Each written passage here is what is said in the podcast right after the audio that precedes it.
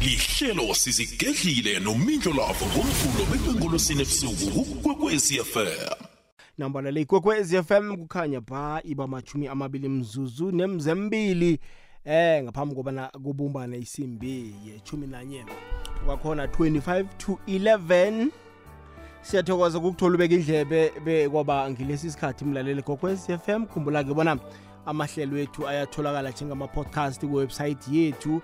Ethi www ikwekwezfm co za nawenze bunjalo khona ukuzidownloadela ihlelo lakho ulilalele ngesikhathi ofuna ukulalela ngaso. Namhlanje-ke siphethe indaba ekulukazi la siyabuza bona ukuze eh, kuthiwe umkristu kufanele ubelethwe ngobutsha na ube yi-born again?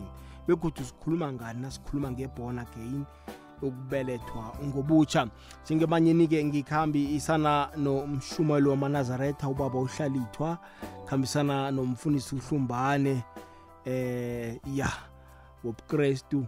Bazositshela-ke bona isihloko sethu sanamhlanje sijame bunjani. Akhe ngithome ngomfundisi uhlumbane maranatha mfundisi.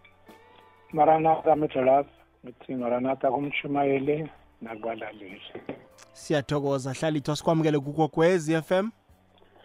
intambama ayibehle kuwe indlulafi intambama ehle kumfundisi nomlaleli wekukwez f m. Siyathokoza khumbula-ke mlaleli kokwez f m singena ehlelweni la sithi khona yazi ngekolo yakho. Hmm? maranatha mfundisi akusifake esihlokweni sethu sanamhlanje? Um ngithokoze metholas ngithokoze khulu uzimo asasibalele. Uzimo uyasithanda. Uzimo kunezinto afuna sizenze. Eh sihle isihloko esikhuluma ngokuthi uma ungumkristu kufanele wenzile eh ukuthi yonke into umuntu ekufanele aphile ngayo nguzimo okhulumayo. Into umuntu okufanele abe yiyo nguzimo okhulumayo. Nje uma lokho uzimo makakhuluma ukuthi ma ufana ukufuna kwamkristu fanele ube umuntu onjani.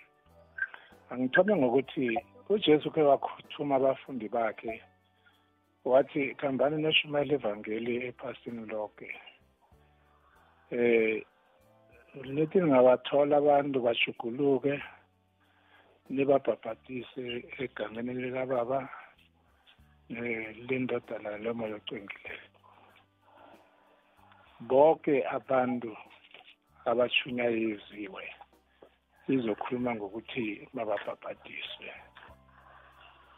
ngithanda ke ngifunde incwadi kaMateyu indima ngesithathu indinyana ngeyeshumi nesithandathu Matthew 3 verse 16 yona ifundeka kunjesi kwathi msinyana bona uJesu abhajadiswe waphuma ngemanzini khonokho izulu lavuleka. Wabona umoya kazimu wehla njengezuba wahlala phezu kwakhe. Yeke ilizwi lakazi ilizwi lavela ezulwini lisithi le indodanami engiyithandayo nengithokozileko ngayo. uJesu wabhabhadiswa uthi lokho abhabhadiswa nguJohanisi ithi khonapho emanzini maqeda ukuphuma ngemanzini wavela umoya wehla njengezuba wehlela phezu kojesu. Emva kwaloko kwazwakala ilizwi elithi lo indodana yami. Engithokozile ngayo. Ngamanye amezwi uzimu uthokoziswa yizinto esizenzayo athe sizenze. Eh ukubhajadiswa ke eBhayibhelini kufana nokuthi umuntu uyakhetha uzimo uyakhetha ukulisa izinto ezimbi azenzako. Uyakhetha ukulalela nokulandela uJesu. Lokho asekakhethile ngombana uzwe ilizwi lakazimu. Lokho asekakhethile ithi ibhayibheli uyabhabhadiswa. Ngombana uzimu uthanda ukuthi sibhabhadiswe ze sikwazi ukubona umbuso kazimu. Abantu bayachuguluka bamlandela uzimo bangakabhabhadiswa bayachuguluka babe sekonzweni ngombana bazwile ilizwi. Kodwana ithi nasebalandela bakholwa kufanele babhajadiswe ngombana wonke umuntu okholwayo okholwa ngozimo uyabhajadiswa.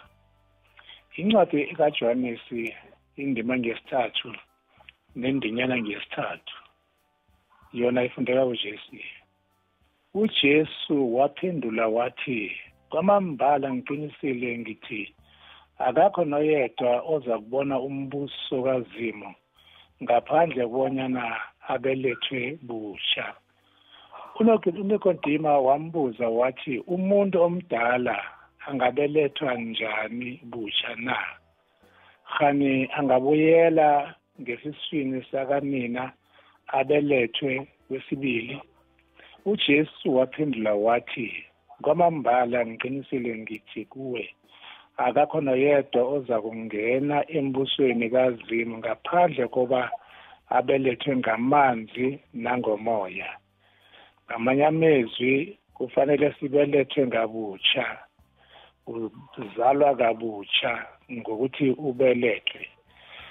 Ngamanye amezwi umuntu makaceda ukubhabhadiswa umuntu obelethwe kabutsha yonke into yakade seyidlulile. Ufana nomntwana osanda ukubelethwa. Uba izinto ezitsha yaziphiwe nguzimu namkha amezwi kazimu. Akasakhambi ngendlela yakhe labe kade akuhamba khona. Akasenzi into ayithandako. Akakhulumi namkha ngayiphi indlela. Kodwana ulandela uJesu wenza izinto zakaJesu. Mangabe kade umntwana ongahloniphiko sewuyakwazi ukuhlonipha ngobana sekalandela uJesu. Kusho ukuthi ubelethwe kabutsha ngelizwi lakazimu. Kuhle-ke ukuthi masiza kuJesu sibelethwe kabutsha ukubelethwa kabusha ukuthi umuntu abhabhadiswe. Incwadi yabaseroma isahluko ngesesithandathu ivesi yokuthoma yona ithi ukubhabhadiswa ithi sifile namkha sibethelwe ngojena kanye nojesu ngombhabhadiso. Ngamamezwi ngamanye amezwi kufana nokuthi umuntu lokho abhabhadiswayo ufile empilweni yakade. Uyabulungwa. Mawufaka emanzini emafakwa emanzini ubhajadiswa ufana nomuntu obulungwayo eshabathini njengombana uJesu wabulungwa wavuka. Nawe banjalo uyabulungwa uvuke sewumuntu omusha. Izinto zakade sezidlulile awusazenzi izinto zakade ngombana ubelethwe kabutsha yinto uzimu ayithandayo leyo ukuthi abantu babelethwe kabutsha ngelizwi lakazimu mabathi ubelethwe busha ingombana ubhabhadisiwe. Nebhayibheli ikhuluma amazwi amabudisi ithi ngujesu okhulumayo akekho noyedwa ozangena embusweni kazimu ngaphandle kokubana abhabhadiswe. Nonikodima wathi ngakabuza umbuzo ukuthi ngenza njani bona ngibona umbuso wezulu? Wathi ujesu kufanele ulandele umthetho kazimu begodu ubhajadiswe. Ngamanye amezwi uzalwe butsha ngombana wonke umuntu kufanele azalwe butsha abe nempilo etsha uzalwa ngamanzi nangomoya. Umoya osicwengileyo kazimu uyakwehlela ngombana sekulandela uzimo ngokupheleleko. Eh ngifunde yamaswaphelo incwadi yezenzo zabapostoli indima ngiyesibili indinyana ngiyamashumi amabili nantathu yona ithi umuntu lo owanikelwa umuntu lo owanikelwa kimi ngokuya ngokwehlelo lakazimu nangokwazi kwakhe ngaphambili nina nambethela nambethela esiphambanweni benambulala ngezandla zabanganamthetho. Ngamanye amazwi ujesu wanikelwa ebantwini wabethelwa wafa begodu wavuka ngombana ngegade kufanele ujesu afe ave. Ze abonise abantu ukuthi uyafa empilweni yakade ubuye uphile impilo entsha. Lokho kuzalwa kabusha. Izinto zakade sezidlulile ngingijame lapho ngilo lapho. Iyazwakala mfundisi kileyo ndawo. Leyigwekwezi FM kukhanya pha ibali ichumi nemzemhlanu phambi kobana kubethe isimbi yechumi nanye sehlelweni la sithi khona yazi ngekolo yakho. Kuhamba nomindlelafu ngiyabona la ngathi kunala ngijiyeka khona.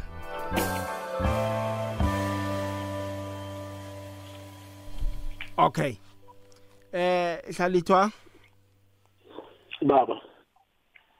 Akusifake esihlokweni sethu sanamhlanje? Eh ngiyathokoza mindlo lapho um indaba yokuzalwa busha. Kufanele umlaleli a-understande impilo kamoya. Um emkhathini kunempilo kamoya ehlukileko mhlambe ngesingisi ibizwa eminye holy spirit. Omunye umoya obizwa ama-media spirits. Sengisho namadimoni asemkhathini nawo ayimpilo kamoya. Nengilozi zikasathana ziyimpilo kamoya nengilozi zikazimu ziyimpilo kamoya. Uma uzalwa busha sekuhle kusho ukuthi ozalwa komoya ngoba u-introducezwa empilweni akho asiqale encwadini kaluka 3 from verse 19 ithi ujesu besele aneminyaka engu-30 uJohn umbhabhadisi makabhabhadisako eJordan. Wabawa naye ukubhabhadiswa lithi iBhayibheli selabhabhadisiwe kwavuleka umoya kwavuleka i mean uh, izulu. Kwehla umoya ingcwele usisimo sejoka wahlala kuye. Meaning he was possessed by the holy spirit. Uma sifunda incwadi yezenzo 2 verse 38 ithi bhabhadiswane khona nizakwamukela umoya oyingcwele meaning lo moya kaNkuluNkulu awehleli uJesu kuphela wehlela wonke umuntu obhabhadiswako kodwana wehliswa ngileyo Nkosi umuntu ayikhonzako ngaleso sikhathi ngoba imibuso miningi emkhathini asicale noma umuntu abhabhadiswa in the form of ama-traditional healers. Lo moya ufakwa ngengazi emntwini zembuzi azisele zifaka umoya ngaphakathi kwakhe media spirits eh lo moya osemanzini otholakala ngokubhabhadisa usemanzini even nangeform yababhuli bayaya ngamasondo wokubhula bawemukele umoya. So ukuzalwa kabusha kuzalwa umoya thizeni ngaphakathi kwenyama yomuntu. Uphile ngaphakathi kwenyama yomuntu. That is why at some stage mindlo lavo uzokuthola ukuthi mhlawumbe kade nginawo umoya ngadlula emhlabeni wasala ungesanadokodo noma ungasenandlu yokuhlala umoya. Awuveli uzingenele phakathi kumntwanami nangidlulako emhlabeni kufanele naye aye kilo onomoya bayowufaka kodwa wona the same spirit ebewubafake kimi bayowufaka emntwaneni kumntwana omntwanami ukuthi naye athathe leso siphiwe bengisiphiwe ngiloyo moya. Phecelezi ukuzalwa kabusha ukwamukela umoya. Ungene enyameni. It doesn't matter ukuthi loyo moya is holy or media or evil but nawuzalwa uzalelwa kuleyo ndawo ofuna ukuzalelwa kiyo. Uma wamukela umoya oyingcwele uthe uJesu enibabhabhadisako fanele babike izono zabo. Enibathethelelako bathethelelwe enibabamba ubabanjwe ngazo kukaJohana 20 verse 21 ukuya ku-23 enibathethelelako bathethelelwe maniqeda ukubabhabhadisa babe zidalwe ezisha izono zabo zithethelelwe. Mara nokho akusho ukuthi nawona awusenasono ngoba sowubhabhadisiwe uthoma phasi uyazi-inherita okubuhlungu ukhuluke ngomoya oyingcwele imindwe lafu ubona abantu sibaningi kangaka emasondweni. Uyabhabhadiswa uwamukele umoya oyingcwele awukokodi awuwuzwa kodwana uyafika kuwe. Kodwana nawuphatha kumbi uyakhamba and awuvalelisi nawukhambako uma ufunda incwadi abahluleli ithi ufil uDelilah wathi Samson nakamafilisti phezu kwakho. uSamson was possessed by ibutho lika Holy Spirit. Wathi uSamson ngizokuvuka njengemhleni ngibabethe njengoba ngibenza ivesana logcina lithi wayengazi ukuthi uthixo usukile kuye. Ukuthi uholy spirit was not there anymore. Abantu-ke baningi ngesondweni mindlolafu abakhambileko baye emanzini babhabhadiswa bazalwa ngobusha inherited or possessed by the holy spirit mara ngokuziphatha basesengemasondweni mara holy spirit asekho kibo ngoba akamfuni umuntu ongakhambi ngendlela zakankulunkulu. Bawumbuzo ya kuyazwakala hlala ithathi kanjena ke imzuzu iba bunane phambi kobana kubethe isimbi yeshumi nambili leyigwekwezi FM kukhanya pha siphethe indaba ekhulu umlaleli gwekwezi FM eh indaba yokubelethwa ngobutsha la nendaba eh yokuba umkristu. Umbuzo wami ngingathi kuyehlala ithwa eh ukwamu namkha ukubelethwa ngobutsha ngikho okukwenza ukuthi ube mkristu. Nangakabelethwa ngobutsha kutsho ukuthi angisuye umkristu. Akasho ujesu ukuthi uzokwenza abantu babe makristu. Akasho unkulunkulu ukuthi uzokwenza abantu babe makristu. Ukuba makristu igama elithi kristu lithoma ngokuvela mabahwala amapostoli. Lithi ibhayibheli baye Antioniki abapostoli bashumayela lapho unyaka wonke. Wathome Antioniki ukuthi abafundi babizwe ngokuthi makrestu azange babizwa ngujesu azange babizwa ngunkulunkulu babizwa babantu be-antioniki izenzo 11 verse 26 so awubhabhadiswa ngoba ufuna ukuba mkrestu ubhabhadiswa ngoba ufuna ukwamukela umoya engcwele bese ubona umbuso wezulu mafika isikhathi sombuso wezulu. Not necessarily ube mkristu. Kuyazwakala hlalithwa ungaphawula uthini mhlawumbe embuzweni loyo? Eh eh hlumbani sengihlalithwa. Maranata mfundisi. Eh ngithokozele lapha eh uJesu uthi khambani niyephasini lonke lishumayele ivangeli lombuso ebantwini bonke abaphendukako libabhabhadise ebizweni likaJehova lakaJesu nomoya ocwengileko. Ngamanye amezwi uyabhabhadiswa ngombana uzwe ilizwi lakazimu. Waphenduka eh sewuphendukile. Walandela ngombana uyakholwa.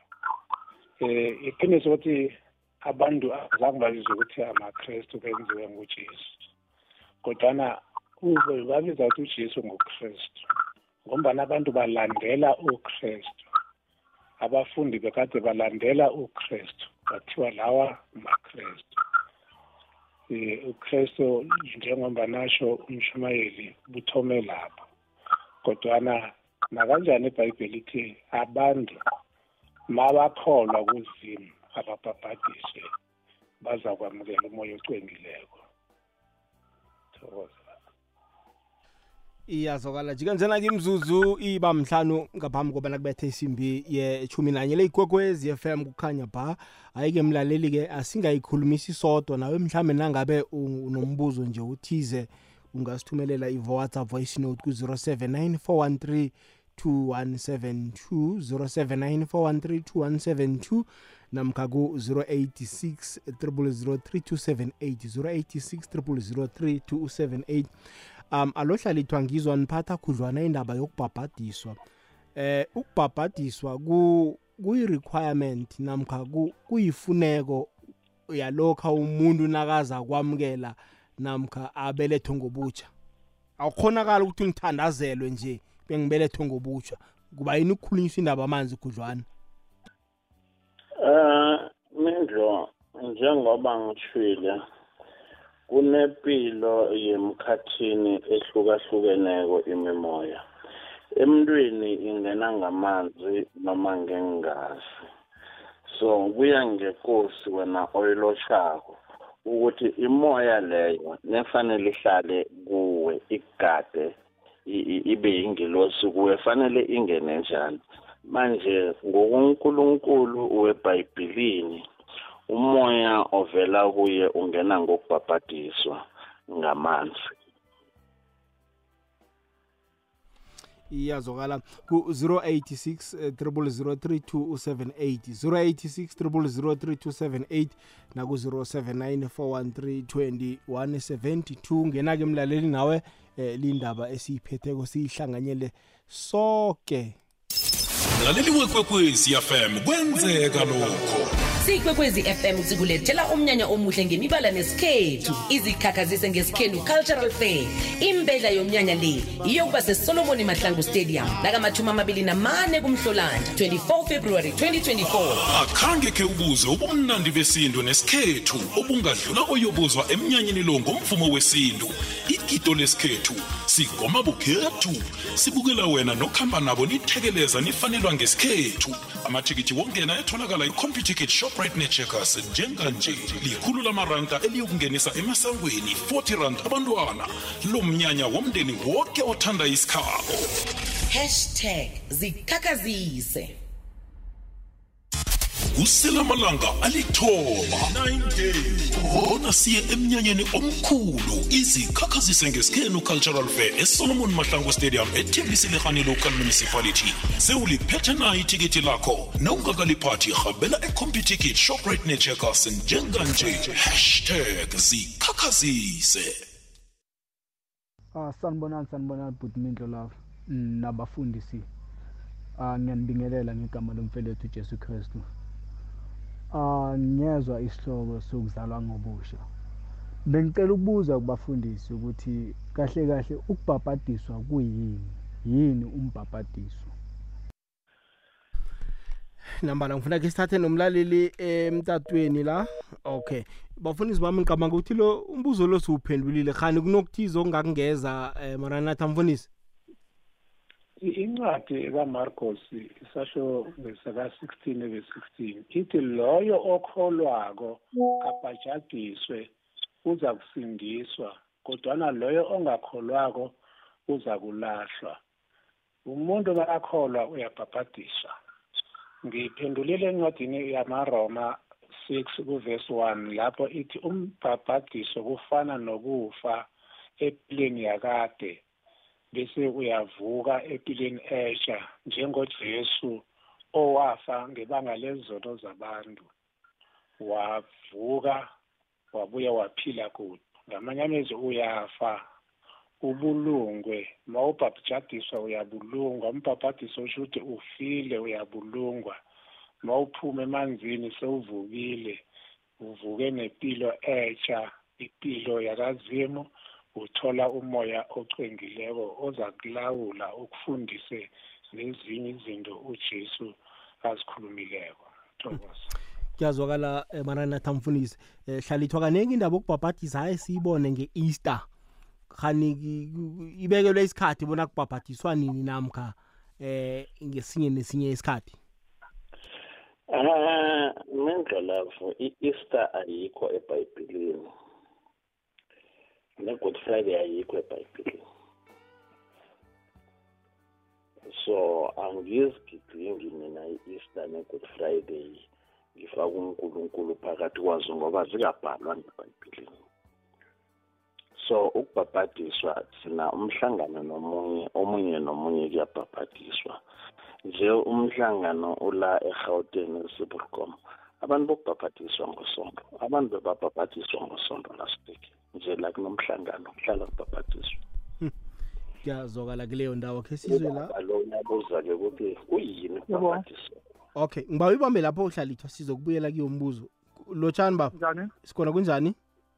Sathi mm ngiyabonga bayibambe bayibambe right abafundi mm sengathi isihlotsheni baba isimnandi right siyezakala iye nangizwa ne siyakuzwa.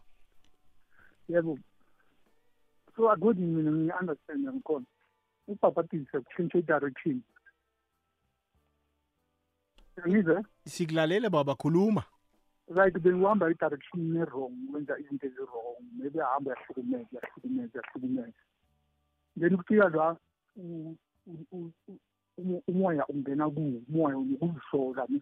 I-conscious mayiqala ingena kuwo le nto le ifika kuwo iyakukhulu unyembeza wakho kakhulu ukuthi awuyeke le nto yenzayo mm understand siyakuzwa baba then mase yakhuluma nawe unyembeza wakho yeka le nto oyenzayo bese uyasuka-ke wena-ke uyabona na le nto engenzayo is very wrong so let me meet na other people abenza into ezi-right and then banginike i-direction e-right fanele ngihambe bese uya esontweni yena ufika esontweni maybe luckily maybe ufike ngesikhathi sokubhabhatisha or umfundisi athi abafuna ukubhabhatisa bakuwelkhama then then ngikhama uyibizi maybe uze ngibizi ku-invite-iwe ukuthi uze khona la so ufikile baku-invite baku-invite mase ufike bafuna abantu abazobhabhatisa uyaya kumfundisi maybe uyakhuluma naye okay mina ngiyikho kanje. So bengithandile ukuthi ngibhabhatise then uzokubuza ama-reason ukuthi why ufuna ubhabhatise uzomtshela yena nginika ama-terms and conditions ukuthi uma ubhabhatise ufana uphile kanje kanjani. Like i-profession ine-profession phakathi into njengalokhu uma uthola i-certificate kuphi kuphi bakunike wenze i-profession bakunike umthetho wale certificate sakho ukuthi uma uthola i-certificate awutholi izinto ezikanje ezikanje nezikanje uya-understand ne hayi siyakuzwa baba so awenzi lokhu nalokhu nalokhu uzokwenza lana that's why ubona abafungi nasepalamende noma ubhabhadisho uyafunga lapho oh egameni or emagameni egameni likamoya or uyakhetha one or two or three elikamoya elikayise elendodana uyakhetha lokhu ubhabhathisa khona. Nalaba abanye abathakathi lapho bakhona babhabhathisa the way nabo ngendlela yabo isithakathi angiyazi but mina ngathi lena yisonto isikhristiyeni ngikhetha emagameni amathathu. Angikuzwa kamnandi. Hayi uyibeke kamnandi baba. Wamukelwa kwenye impilo ecwengileko. Yebo. Kufana nokuthi wamukelwa kwenye impilo ecwengileko.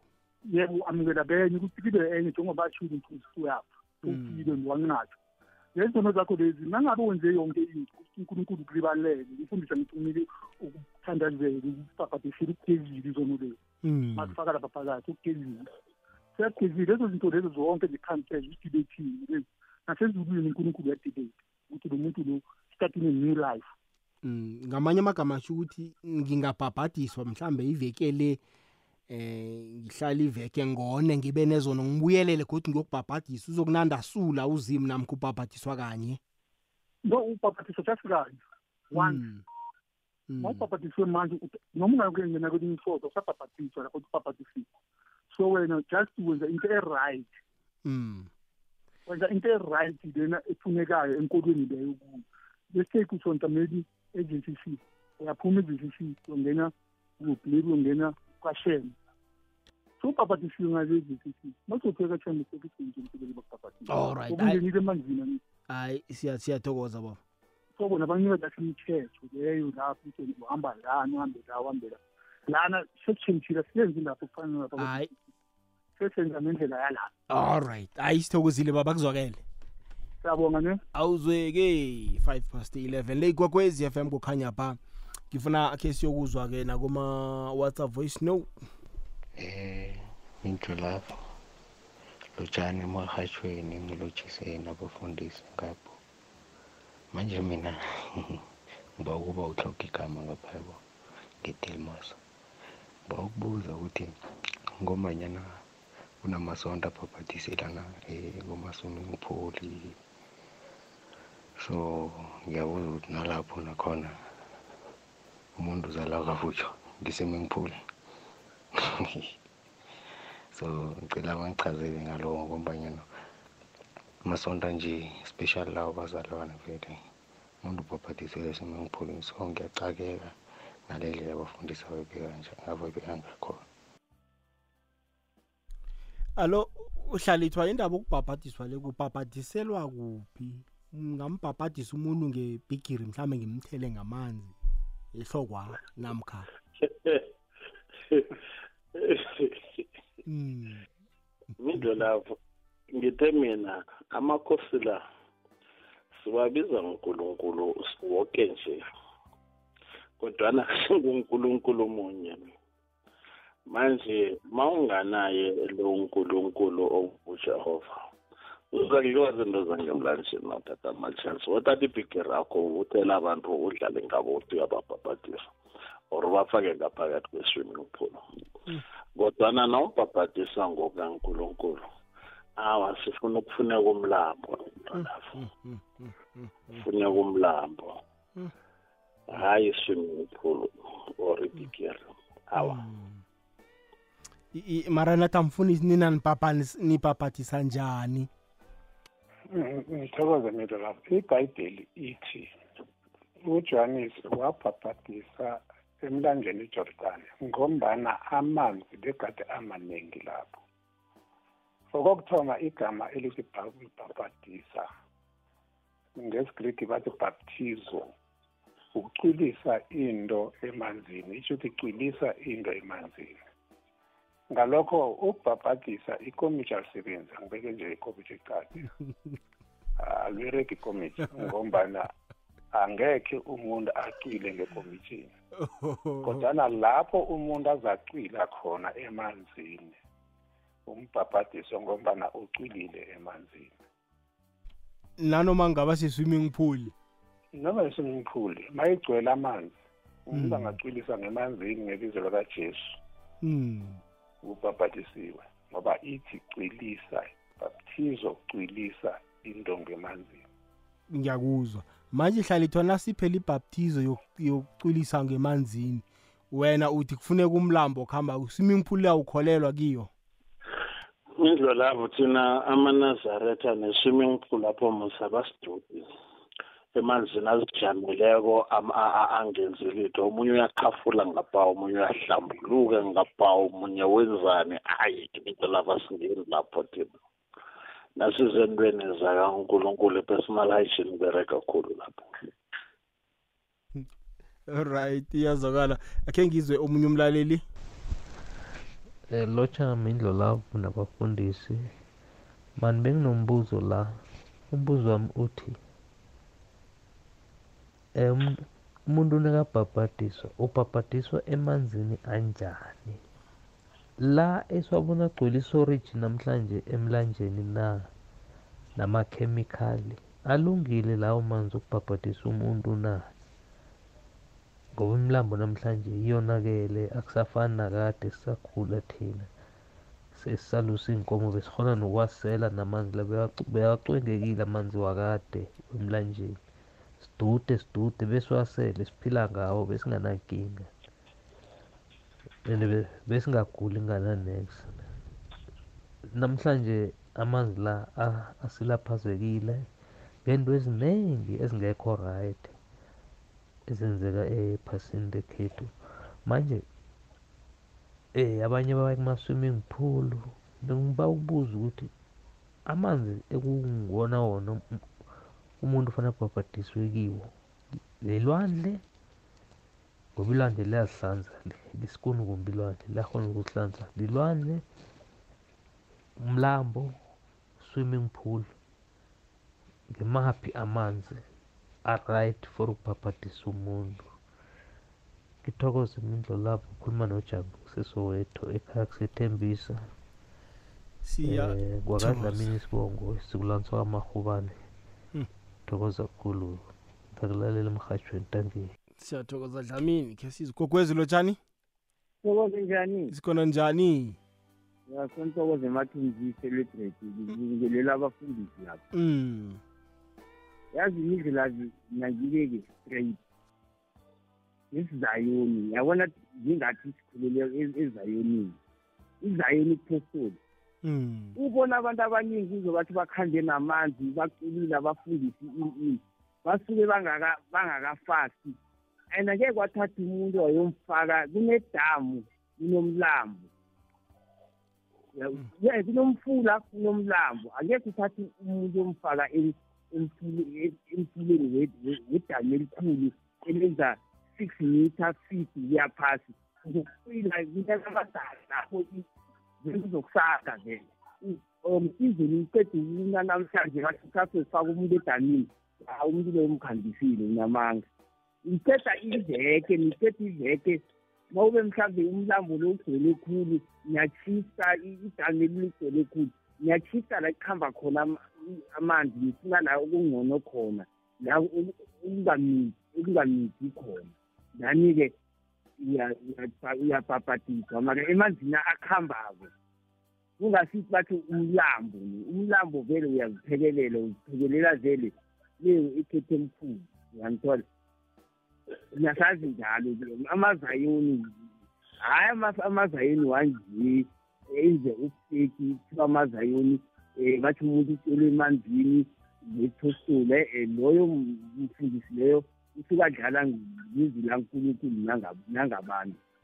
Sikhuluma ngabaprofiti bomoya e- badala hhayi banjini e-e abakuhamba ba- balala kokuzithatha bathi umuntu yokufaka umuntu emanzini hhayi yikho sikhuluma ngabaprofiti abazilile abazila straight badala bezayoni esibazile ukuthi namanje abanye basesekhona. Kanti siyathokoza uh, so ntokozo siyathokoza kuleyo ndawo. Hlalithwa ubaba uphatha indaba yokuzila la phambi kobani yokufaka umuntu emanzini? Ngithe if awunakho limo umfundisi wokuvenzela vele uzokutatwa namanzi nabantu obabhabhadisa odlala ngababo. Enazaretha abhabhadiswa esizibeni mindlo lapho and ngelanga lokubhabhadiswa kamare kunizulu siyasho ukubhabhadisa umlambo uqwele njalo. Azange kwenzeke basho kunomuntu okambe namanzi noma kunomfundisi okambe namanzi. Kangangokuthi u- even if singaya kutholakale ukuthi umnikazi amanzi loyo ukwatile kwamhloko uyarajelwa abikelwe ukuthi sobhabhadisa abantu bakankulunkulu bese umfundisi angene sibhabhadise siphume. Ngoba sikhamba nonkulunkulu asithatha amashansi I- i- iyazwakala. Mara nathi amfundisi manje nani niyazila phambi kobana niyobafaka i-swimming pool? Eh asibhabhathi ku-swimming pool kuphela. Emlanjeni siyaya. Oh. Ya. Iqiniso ukuthi uma uya emanzini kufanele uhlambuluke nawe. Ungathi unezono uyobhabhadisa abantu izathoma ngawe into esemanzini. Hmm, hmm, hmm. kufanele uhlambuluke uwazi ukuthi uphelele ungena nozimu lapha ulethe abantu bakazimu. Then uzimu uza kuvikela kuyo yonke into elapho iyazwakala mfundisi. Khe sizwe la? Oh, abane abane abane banemindlela nabafundisi ngapho. Khuluma ngohloka igama lapha ngakwamhlanga um imindlela yami ngezizwe isihloko senu. Um indaba libhabhadiswa le um ngivumelana nayo ihlalidwa nakathi kumele kubhabhadiselwe emlanjeni. Vele kufanele kubhabhadiselwe emlandi emlanjeni. Ngombanyana ibhayibheli njengoba itsho vele ukuthi ujohane johane wabhabhatisela ilile kuriver ku emlanjeni wasejordani so lezi ukubhabhatisela ema-swimming pool hawa lezo zona kufanele senze according to the word vele ibhayibheli lalithi elwandle makube silwandle mara lezi zema-swimming pool. Asekuzinto zanje zenziwa nje bafundisi banje nje nje.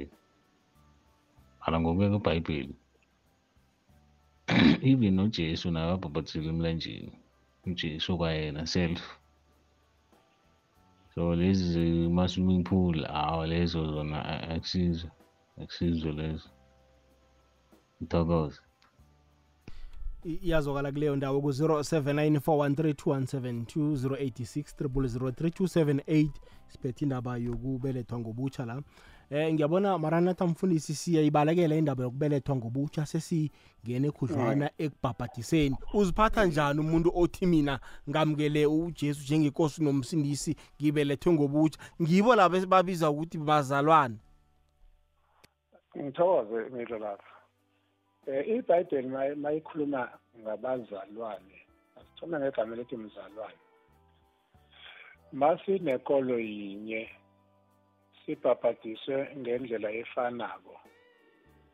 Siyazalana umzalwane wami. Silosha ujesu soke silosha uzimu soke ngombana uthi uzimu ningabi nabanye abosingazimu ngaphandle kwami.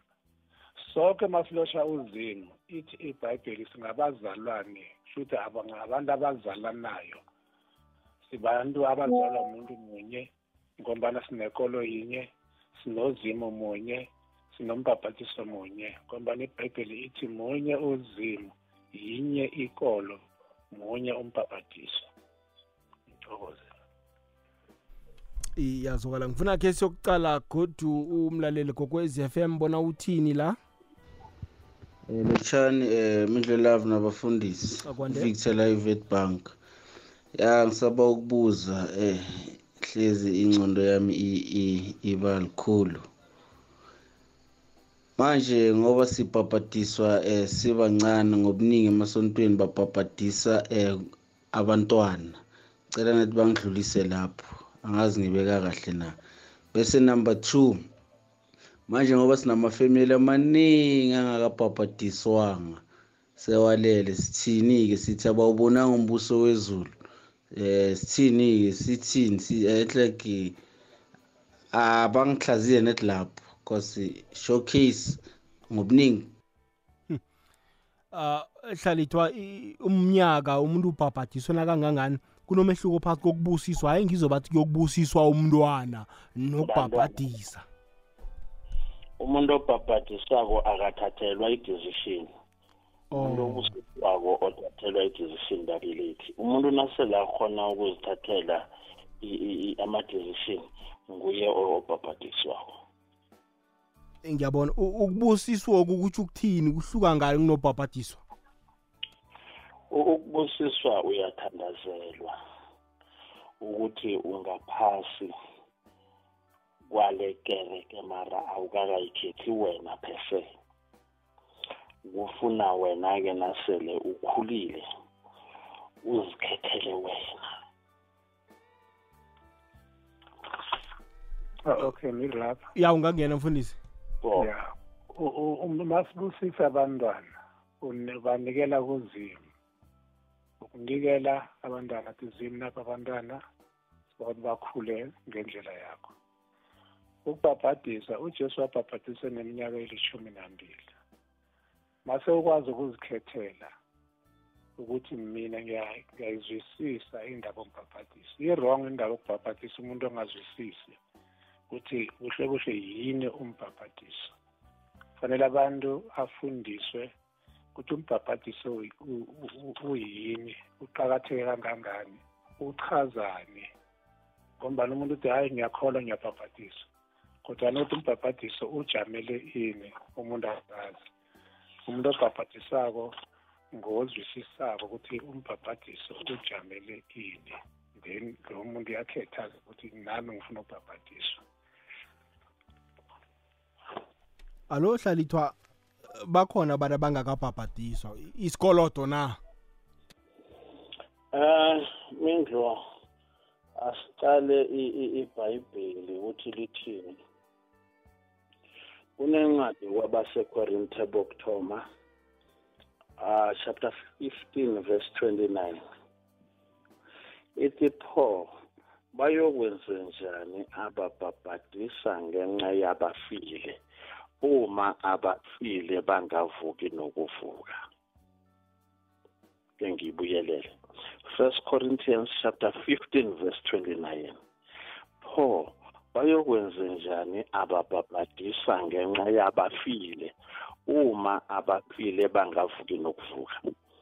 Ibuyeke lapha kunehemiya 9 verse 2 ithi babika ukona kwabo nokona kwabo khokho babo. Nolevi naye ubuyelela amagama lawo ukuthi abantu babuthana bazokubika ukona kwabo nokona kwabo khokho babo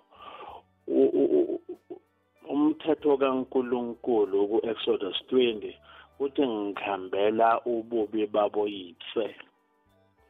Iso isizukulwane sesithathu nesesine.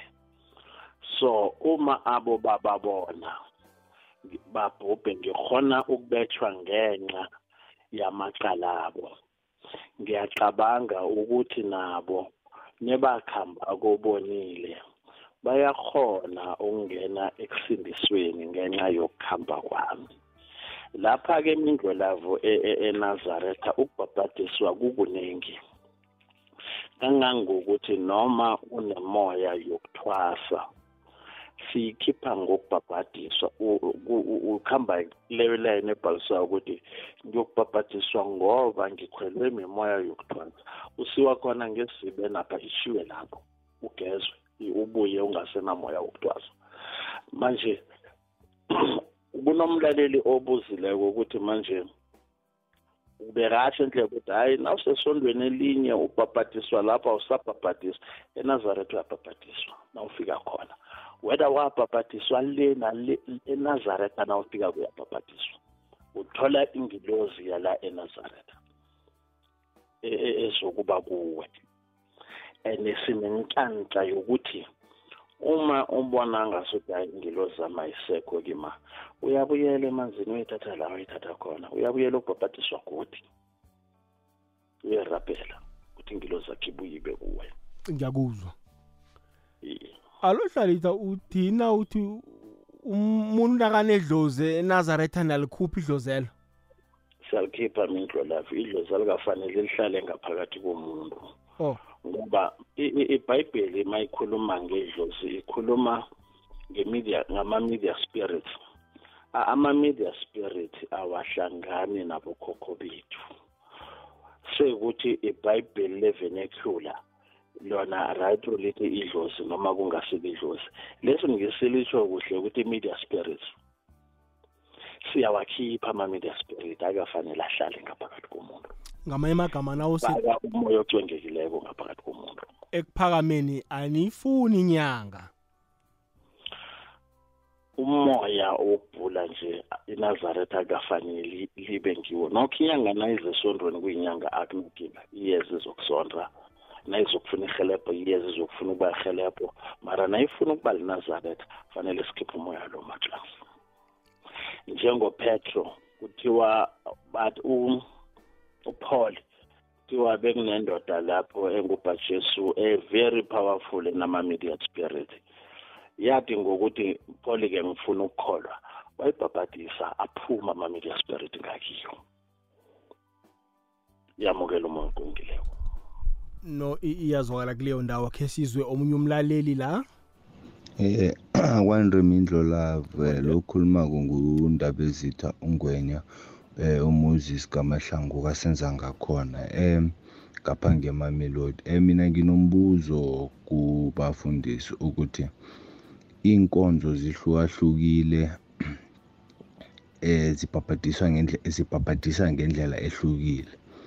Eh kunabanye amababhabhadisi abakufaka kathathu emanzini bathi ngegama eh likamoya lelikababa nelendodana abanye bakufaka kanye. So okuphi okurayidi kokufaka kathathu nokufaka kanye. And umuntu mabathi uzalwa kabusha eh ngokwazi kami mina ngazi ukuthi umuntu makazalwa kabusha uyabhabhadiswa uyafa kanye uyavuka. So manje laba abafaka kathathu emanzini bona kusuke kwenzakalani? Maranatha mfundisi ungangena? Yabona baba babuza umbuzo oqakatheke khulu. Angithombe ngithi mafunde incwadi abasekhonte kokuthoma isahluko ngeseshumi ikhuluma ngama-israyeli lokha aphuma egibhite aya ekanani bonke abantu abo ibhayibheli ithi babhabhadiswa ithi ngesikhathi bavulelwa ulwandle bangena phakathi kolwandle ithi bebakade babhabhadiswa ngaleso sikhathi. Kuye ngithi umbuzo kababa muhle khulu. Abantu bathatha izinto ezisebhayibhelini ezinye bazenza umbhabhadisho kule nkosi yavela ubulephere umprofeti wathi kuhambe uye emanzini ungene kalikhomba isilephere sawuzaphola. Waya emanzini wangena kalikhomba eh isilephere saphela. Abantu bathatha into leyo-ke bafaka umuntu kayi-seven abanye bathatha lelizwi ujesu athi egameni lakayise lendodana lomoya ocwengileko bafaka umuntu kathathu. Incwadi yabaseroma ngiyabuyela kiyo isahluko ngesesithandathu ivesi ngeyokuthoma. Ithi ukufa umbhabhadiso ujamele ukufa kwenkosi ujesu. Ujesu makabulungwako ubulungwe kanye wavuka kanye. Mawufaka umuntu kalikhomba ngamanye amagama uyambulunga avuke umbulunge loko wena uyambulunga avuke. Mawuthi umfaka kathathu ngamanye amagama uyamfaka uyambulunga avuke umbulunge avuke kuze kube kathathu. Ngithe masingathola ukuthi umbhabhatiso ujamele ini singawenza ngendlela efanele ngombani umbhabhatiso ujamele ukuthi wena sewufile ezonweni sewuyophila impilo entsha masewubhabhadisiwe kade ubulala awusabulali. Kade ubhema usela utshwala awusakwenzi lokho. Kade uhleba awusahlebi ngombana sewuphila impilo entsha umbhabhadiso usho ukuthi uvukile ufile wavuka waphila impilo entsha. Ngithokoza iya iyazokala kuleyo ndawo. Khe sizwe omunye umlaleli? Ngithokoze esihlokweni. Kusibhidla lo ukhulumako phasi emabhoko. Mina i was born and bred by the pastor Philemon Jabulani Sekwan under the church of Impuma ekuphumuleni. Mina ngabhabhadiswa esontweni ngibhabhadiswa ngubaba uRaman. Ngabhabhadiswa emlanjeni under the bridge. And uh, okuhle my father may him so rest in peace. Even now ngiyakereka ngikereka e-united. So to be honest with you uyabona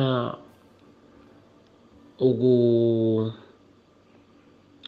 ukuba umuntu ophilayo emhlabeni ngaphasi kwesiko lekolo mina ngiphila kilo nanje la ngisola khona ngagqotshwa kodwa nginogqozi lokuthi ngingagqotshwa. Uh my belief yokubhabhadiswa kuya ngokuthi ubhabhadiswa ngibani ukubhabhadisela kuphi?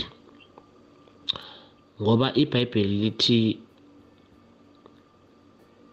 kwakusemlanjeni or emfuleni. It's all about ama-belief. Na ufuna ubhabhadisa umuntu ngebhigiri or ngani it's all about i-belief mara mina ngibhilivela ukubhabhadiswa esiyalweni samanzi la ngabhabhadiswela khona.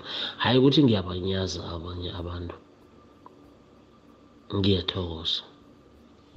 Kuyazwakala kuleyo ndawo. Ungangena uthini hlalithwa ah indlelavo indaba yokubhabhadisa ingendlela eziningi njengoba ngisho kodwana nawungekho anointed ugqotshelwe ukwenza loyo mbereko usuzithathela amasensi akho. For an example thina sinabafundisi abaningi kodwana umfundisi oqalane nokubhabhadiswa ngigapha ngewakwantombela njengoba ngishwile kunomuntu oyokubhabhadiswa ngoba anemimoya ukufaka beyiphume angakufaka kanye angakufaka kathathu nakalo kanjako nekagezi imimoya le. Or akufaka akufaka kuqale uphiwe-ke ilihlo lokuyibona ukuthi sesekhona nayingakaphumi akujamise azabhabhadisa abantu uza kubuyelela futhi. Todi beyiphume moya lo uyakugeza. Kodwana na ubhabhadiswako nje ukuthi ngiyabhabhadiswa ngizokugezwa izono ngizokwamukela umoya oyingcwele la usuculisa kanye. Nokho akukho ebhayibhilini la ukuthi uculiswa kangaki. Njengomvolo ya ote angisoli angithini se ngibona nje ukuthi kuya ngokuthi umuntu ubhabhadiswa njani kufana nongqwaba alikho ivesi longqwaba sesiyawadebanisa mara longqwaba ukuthi leli vesi leli livulwa ngemathuneni alikho. Sekuyenziwa nokubhabhadiswa kunjalo. As long umuntu aqilile or umfake kayi-thirty or kayi-twenty okubalulekile ukuthi mdamukele umoya oyingqwele and njengoba ngishwile akumukelwa umoya ofanako. Impilo yemkhathini ikulu is very broad. Abozimu baningi bemkhathini. Nawenza uzimu lo ngitemina tothi nama-media spirit bayakuhamba bokuhlambisa ngemlanjeni bakufaka umoya. We-media spirit ngemlanjeni esidibeni bakuhlambise khona bakukhulise bakuphosele ngesibeni. So eyi kufanele umuntu oyokubhabhadiswa aresearche reh ngesonto ayokubhabhadiswa kilo ungasumane uziphosele ngoba uzokuthi uya kuzimu kanti khona umfulathele khulu unkulunkulu iyazwakala hlalithwa mara nathi amfundisi kunomlalelo obuzileko la wathi njengombana eh imilambo yethu sesilaphazeke kangaka eh wabuza nendaba yelwandle batsho ukubhabhadisa elwandle khona kunjani? Batsho ngoba uzimo pheze uthanda izinto ezicwengileko nezihlongekileko iqiniso lelo kodwa likhona imilambo ehlambulukileko engakangcoli engenamakhemikhali ikhona. Eh midlave ngifuna ukubuyela incwadi yaseroma mayithi ukufa umbhabhadisi ujamele ukufa kakajesu ujesu wafa kanye wavuka kanye. Khona leyo vesi ngamanye amezwi uma ubhabhadiswa akuthi wena ngombani unezono kufanele ufakwe ngokulingana kwezono zakho. Sazibala zithini isono somuntu? Ukubhabhadisa akusikhipha amadimoni. Ukuthi ufile ezonweni zakho uyophila impilo entsha. Yonke into isuswa nguzimo ngendlela yakhe. Masibhabhadiswa siyafa siyavuka. Masithi senza into senza into eyenziwa ngujesu. Akukho la ujesu wafaka kathathu isitsheli ukuthi wafaka kathathu. Ithi wangena emanzini waphuma. Lisithi ibhayibheli ujesu wafa kanye wavuka kanye. Lokho kusho ukuthi ubhabhadiswa kanye uvuke kanye. Ngombana wenza njengojesu ulandela ujesu. Ngithokoze. Mara natamfundisi kusikolodo na? Mhlambe na ungakabhabhadisi bhabhadiswa ngithokoze middlelove eh ngeke ngafunda leya ncwadi abasekorinte bokuthoma isahlonge sechumi lapha ama-israyeli begade asendleleni aya ezweni lesithembiso ekanani mawaza ngena bonke elwandle ithi babhabhadiswa bonke elwandle. And then abantu abaphilako ephasini umuntu wamukela ujesu. Wafa angakabhabhadiswa angeke uthi ngoba akakabhabhadiswa azange athole ithuba lokubhabhadisa sekuthiwa ngekho angena ezulwini. Uzimo uyazi ukuthi lowo muntu bekade amukela uzimo azange athole ithuba lokubhabhadiswa ayimvimbeli ibhayibheli lowo muntu lo ukuthi angayongena embusweni wezulu. Iyazwakala kuleyo ndawo.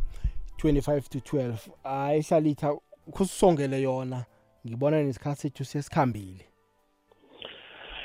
Um mindlolavu ibhayibheli lithi ujesu wathola ujohana abhabhadisa abantu.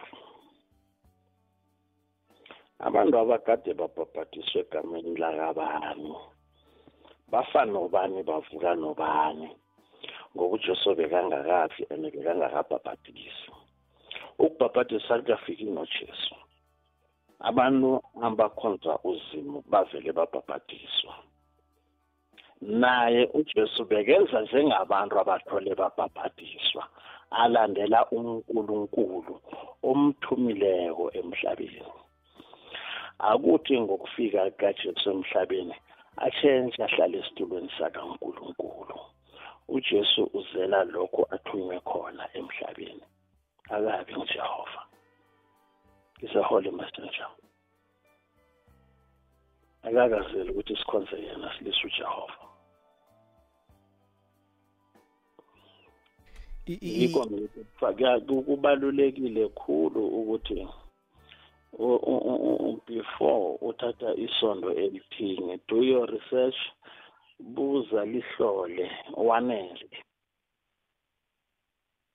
Before you can decide yinye inkosi ekhonzwako igama layo ngujehova.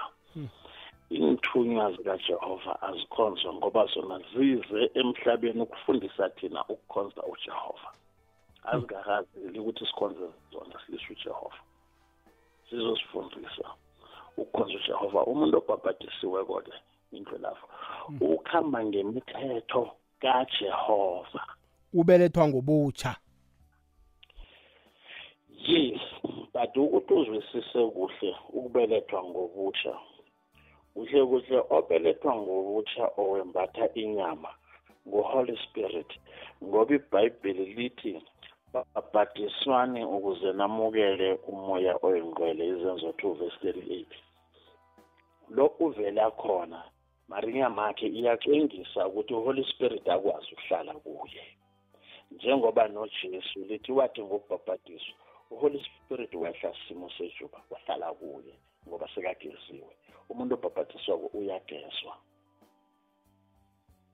Hayi layelisa umlaleli gokwezi FM hlalithwa ngiyathokoza indleba yakho mlaleli nokungalali kwakho ulinde. Uma unemibuzo inamba zami zomtato zithi 082 082 423 423 four five four five seven two. seven two.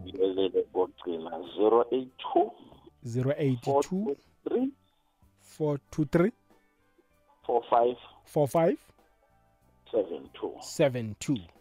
Ufacebook page nguhlalithwa usothisila kabini. Hlalithwa sothisila kabini. Aha. Siyathokoza sothisila thokoza mina mindlo thokoza mina mfundisi nomlaleli. Awuzweke maranatha mfundisi nawe sisongela yona ngokwekhabo lakhona. Ngithokoze midlalafa ngiyayithanda ibhayibheli ngombana upaul uthi lingisani mina ngombana mina ngilingisa ujesu. Ujesu yena athi wonke amezwi la engiwakhulumako awaphumi kimi avela kubaba ongithumileko. Yonke into engiyenzako angizenzeli mina ngubaba ongithumileko. Ngamanye amezwi masilingisa ujesu akusho ukuthi sewuye uzimethu silahla uzimo kodwana senza ujesu senza ukuthi senze intando kazimo yinto ayizele ephasini. Abafundisi nabashumayela ivangeli ithi benza njengojesu abantu bazobacala nabo ukuthi benza njani. Ujesu bekade enza njani. Uzimu uthini? Ileyo into esiyizele ekolweni size sibhabhadiswe sithole umoya kazimu omusha. Ngithokoze kubalaleli ngithokoze umshumayeli ngithokoze midolafa ukuthi nisinikeze isikhathi ukuthi sikhulume ilizwi lakazimu sihlathulule izinto abantu abafuna ukuzizwa umoya ocongileko uzabambulela ukuthi ezinye ezingazwakalanga bazizwe kuhle. Ngithokoze kukhulu mntakazi eh umuntu ofuna ukubuza inamba yami ithi 079 289 1685 sibuyelele? Asiyibuyelele 079 079 289 289 1685 1685 ngithokoza ngithokozile ehlalithwa nomfundisi uhlumbane